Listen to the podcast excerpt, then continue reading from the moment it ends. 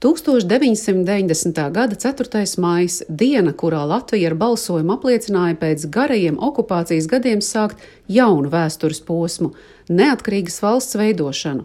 Daudz balsojuma rezultātus klausījās pie tagadējās saimas nama vai citviet Latvijā radioaparātos, no kuriem liela daļa bija vietēji radīti un ražoti. Ivars Priedis par Ziedonis par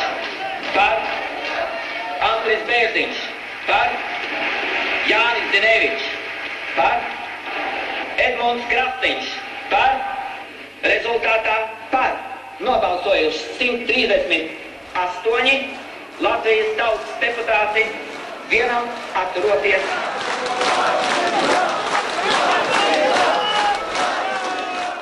Ar kādu dizaina mantojumu mēs sākām savas valsts veidošanu un kas no tās saglabājies līdz mūsdienām? Par to sarunu ar Latvijas arhitektūras muzeja vadītāju un dizaina pētnieci Ilzi Martinsoni.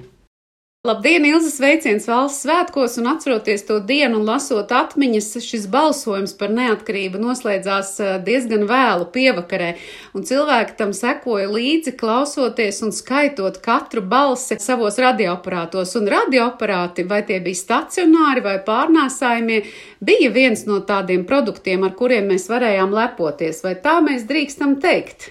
Pilnīgi noteikti jā, jo šis balsojums īstenībā ir nozīmīgs visādos veidos. Viens laikmets beidzās un otrs sākās. Un to pašu var teikt arī par Latvijas dizainu, jo būtībā ar šo balsojumu beidzās viens milzīgs, milzīgs posms latviešu dizaina vēsturē. Jo, ja mēs iedomātos, ka glaznotājs vai dzējnieks ir salīdzinoši neatkarīgs un brīvs savā mākslā un ir viens pret vienu ar savu dzējolu vai audeklu, tad uh, dizains tomēr ir atkarīgs no pasūtītāja. Dizains nevar eksistēt bez pasūtītāja un dizains ir pilnībā saistīts ar valsts tautsēmniecību. Un tā kā padomi valsts beidza eksistēt patiesībā nevis politiski iemeslu dēļ, bet pamatā ekonomiski iemeslu dēļ, ka šī valsts bija sevi ekonomiski izsmēlus, es varētu teikt, ka ar to arī beidzās latviešu dizaina viens vēsturisks posms. Padomju valsts radīja iespēju no vienas puses dizaina attīstībai ar savu milzīgo industrializācijas kursu, un no otras puses pilnībā nespēja to realizēt, jo rūpniecība nevilk līdzi dizaineru domai. Tas jautājums, es teikšu, ka ir pat zināmā mērā strīdīgs, jo bija ļoti interesants viens no Mārtiņa Čibilda raidījumiem, kas bija veltīts rafam un mikroautobusam Latviju, un stāsts bija par to, kā Brunis Rubēs atbrauc šeit un gribēja pārņemt šo ražošanu, un tad atklājās, ka, nu, rūpnīca jau praktiski izirusi, un tas ir pie sasistas sils viss tā situācija, un kur tur jāgāž iekšā miljoni, lai visu to pārveidotu. Bet no otras puses man likās, ka šis raidījuma uzstādījums ir arī pārāk negatīvs negatīvs, jo tajā laikā visa milzīgā padomju valsts, kas bija piektā daļa no pasaules teritorijas, visi brauca ar Latvijā ražotiem mokikiem, mopēdiem, minīgi busiņiem un klausījās Latvijā ražotos radio. Un tranzistorus VF sāka ražot tūlīt aiz Japānas, nu neņemsim pa knapu.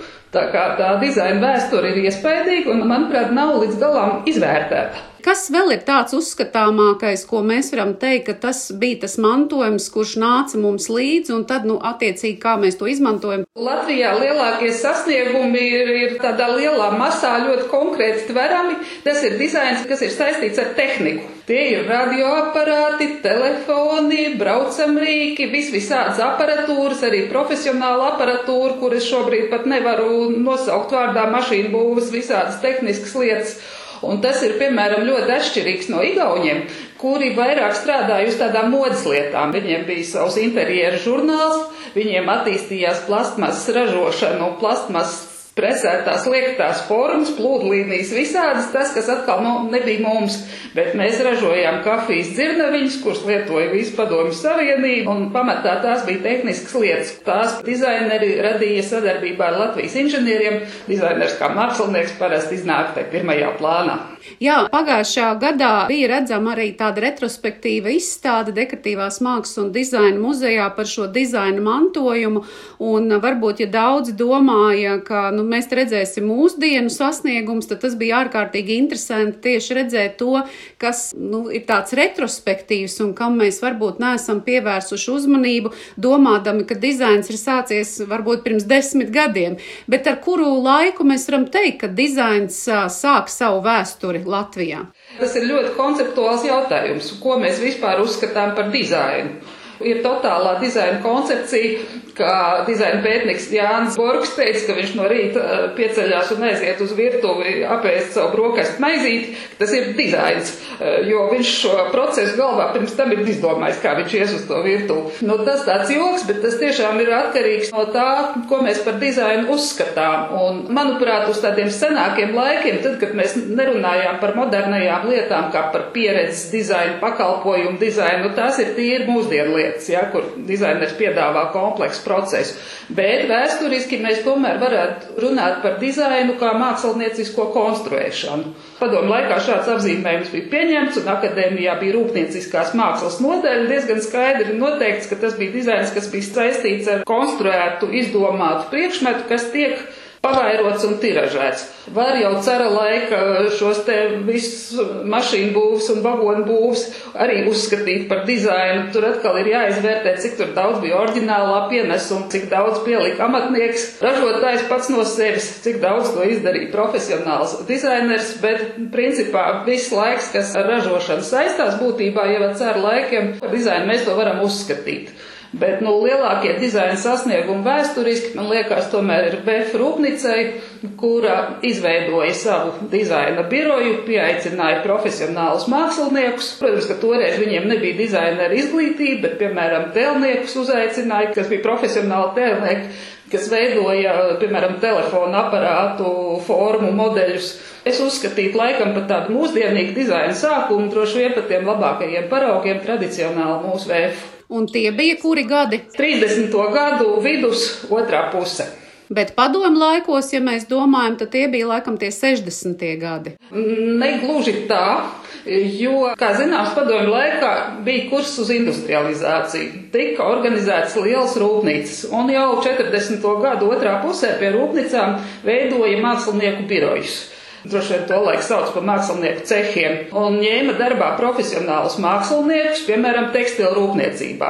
Bija milzīgās tekstilu rūpnīcas, kuriem bija savs mākslinieku cehs, un tur toreiz darbinieki, tie, kas tur strādāja, nebija profesionāli dizaineri, jo Latvijā tāda izglītība vēl nevarēja iegūt, bet tur strādāja, piemēram, grafikas nodaļu beigušie.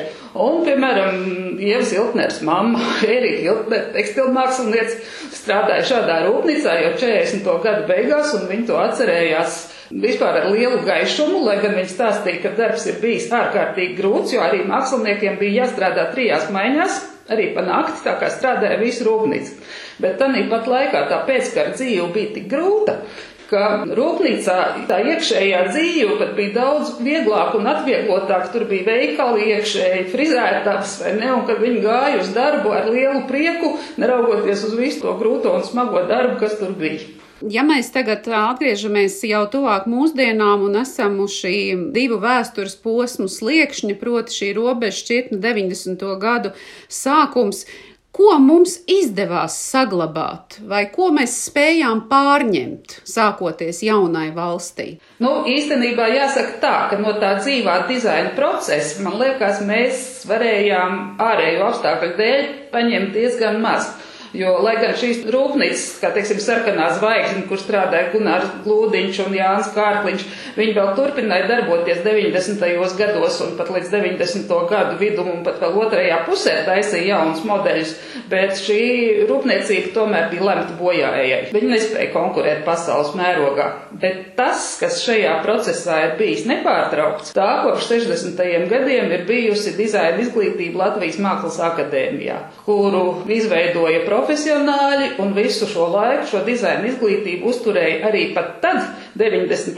gados, kad šīs nodaļas absolventi vairs nevarēja tādā brīdī ārējo ekonomisko apstākļu dēļ atrast darbu un sev profesionāli piepildīt tieši dizainā. Un tad liela daļa šo dizaineru sāk veidot mākslas darbus izstādēm tādā veidā radoši izpausties. Bet šī dizaina izglītība tiešām ir bijusi nepārtraukta. Tur joprojām strādāja vecie meistari, kā Gunārs Glūdiņš, kuram bija milzīga pieredze praktiskajā dizainā. Un visa šī informācija un zināšanas tika nodotas. Un man liekas, vēl viena joma ļoti laba, kas mums kā kopums varbūt netiek pietiekoši slavēta un apzināta. Manuprāt, mums kopš 30.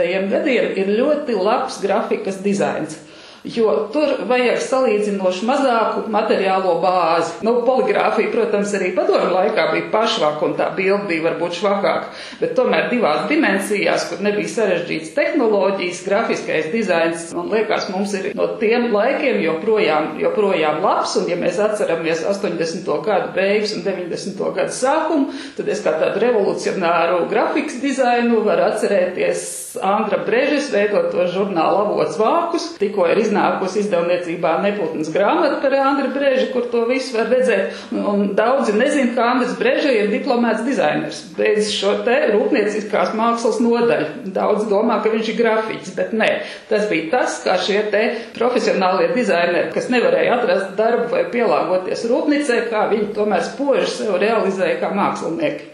Vai uzturot šo izglītību bija jāsaskarās ar kaut kādiem šķēršļiem, vai tomēr visi apstākļi bija labvēlīgi tam un tieši tāpēc to ir izdevies padarīt nepārtrauktu šo izglītības dizaina procesu? Es patiesībā domāju, ka nekādu īpašo šķēršļu nebija. Nu, vienmēr ir bijis šķērslis, ka akadēmija un šis dizaina potenciāls varēja un darīja vairāk nekā viņi spēja realizēt reālajā dzīvē. Nemitīgi akadēmija meklēja kaut kādu saikni ar pilsētu vidi, lai ar savu dizainu iziet pilsētas ielās, vai toreiz sauc komunālais dizains, tāds smieklīgs padomi laika pieņemtais nosaukums, kas bija soliņi un miskastes, un tad mēģināt pierunāt pilsētu vadību, tur sasaistīties ļoti aktīvi un atvērti bija padomi laikā kuldīgi, piemēram. Un es zinu, ka vienai daļai no Mākslas akadēmijas pedagogiem, kas varbūt nebija dizaineri, kā Jānis Anders Osis vienā izstādes atklāšanā kuluāros, teica, ka viņš tik ilgi strādā akadēmijā, ka viņš kopš 60 gadiem klausās, kā to dizainu vajag integrēt dzīvē, un pienākuši 90. un 2000. un mēs runājam par to pašu. Un es pilnīgi saprotu, ka savā veidā tas varbūt pat ir komiski, bet nu, tā tas ir. Tāda ir tā reālā situācija, tāds bija tas pārāvums. Tieši tāpat padomju laikos nevarēja iestāstīt vai pilsētu vadītājiem vai rūpnīcu vadītājiem, ka tas profesionālais dizains ir vajadzīgs. Un tas pats ir šodien. Vai tagad, vērojot uh, daudzu arī šo priekšmetu dizainu, produktu dizainu, kur varbūt ir saistīti tieši ar šo radioaparātu mūsdienu izskati, kur atkal ir vēlme atgriezties pie tādām senlaicīgām formām, vai mēs faktiski varam redzēt, ka tas, kas tiešām kādreiz vefā bija radīts, ir uh, pilnīgi noteikti klasiska vērtība bez uh, kvalitātes tāda noilguma, ka tas būs mūžīgs, tas, kas bija radīts, jo ir iziets kaut kāds noteikts aplis un atkal faktiski pasauli varbūt atgriežas arī radioaparāta dizaina klasiskiem izpildījumiem, formām, krāsām. Kā jūs to redzat? Es teiktu, ka, manuprāt, mēs pārāk maz slavējam savus dizaina ikonas, ka mums tas ir tāds neizmantots potenciāls. Jo es šad un tad esmu braukusi kā dizaina žurnālists uz Skandināviju, kur tad žurnālisti tiek vadāti par labākajiem dizaina birojiem, un tad var pārliecināties, cik ļoti rūpīgi strādā visi posmi, arī promocija. Viņi joprojām ražo savus dizaina ikonas, un, un tā ir pievienotā vērtība. Turklāt ir tas stāsts, ka tiek stāstīts, ka tas tur tika 28. gadā izdomāts, un tā bija ikona jau tad, un to ražo joprojām tagad. Tikai tas smieklīgākais ir tas, ka reizēm šīs ikonas ir jāpārstrādā jāstrādā, jo, teiksim, krēsli ir jāpalielina fiziski, ja, kad mūsdienu dizaineri priekš mūsu jau ražanajiem 21. gadsimta augumiem ir, ir pielāgojuši šī krēsla proporcijas, bet vienalga tas tas, tas zīmols, tas viss strādā.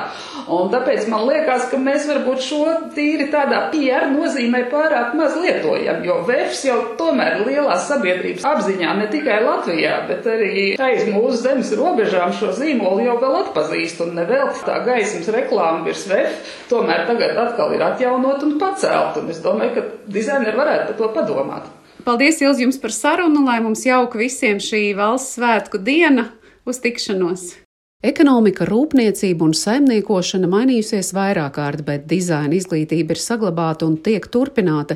Un tieši cilvēki ir tie, kuri atkal var radīt jaunas idejas, īstenot tās un veidot jaunu stāstu.